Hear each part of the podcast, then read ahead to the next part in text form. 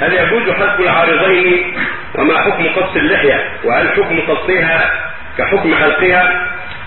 لا لا الحل اللحية كرامة من الله للمؤمن من الرجل.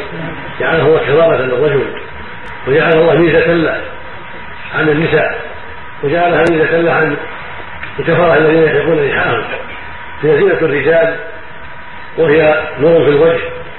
وهي ميزة له عن النساء فلا يجوز له أن يتعرض لها بحلق ولا قص فلا يحلقها ولا يقصها ولا يحلق العارضين مع الخدين لأن اللحية اسم الشعر ينبت على اللحيين والذقن فإذا الخدين والذقن هو اللحية شعر الخدين واللحية والذقن اللي تحت الشبكة السفلى هذا هو اللحية فلا يجوز له قصها ولا حلقها بل يجب إكرامها وإعفاؤها وتوفيرها لأن النبي صلى الله عليه وسلم أمر بإعفاء اللحى وقص الشوارب وقال خالف المشركين قصوا الشوارب وعفوا اللحى وقال عليه الصلاة والسلام جوز الشوارب وأرخوا اللحى خالف المجوس وفي ذلك توفر اللحى وأوفوا اللحى على المسلم أن يوفرها ويوفيها ويحرم عليه قصها أو حلقها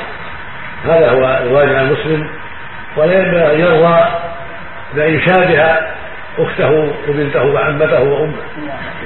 بل ينبغي له أن يخدمها ويوفرها حتى يبقى على سمه الرجال ووجوه الرجال وحتى يتباعد عن مشابهة المجوس والمشركين الذين يحلقونها ويلقون السبالات وهي الشوارع. فالسالم يقص ويحفى واللحيه تعلى وترخى هذا هو المشروع هذا هو الواجب. والله المستعان. نعم. لكن يا شيخ يقولون إذا قلت لهم هالكلام هذا نعم. قالوا إن المشركين الآن الكفار يصدون لحاف إذا إذا وصلوها الحمد لله. صلى يعني من بعد يسلمون. اللهم إذا عسى الله يهديه مسلمون وإذا وافقونا في الخير ما كان لا ما نوافقوا في الشر. وإذا وافقونا ووافقوا لحاهم وأسلموا ودخلوا في دين الله فأهلا وسهلا. طيب.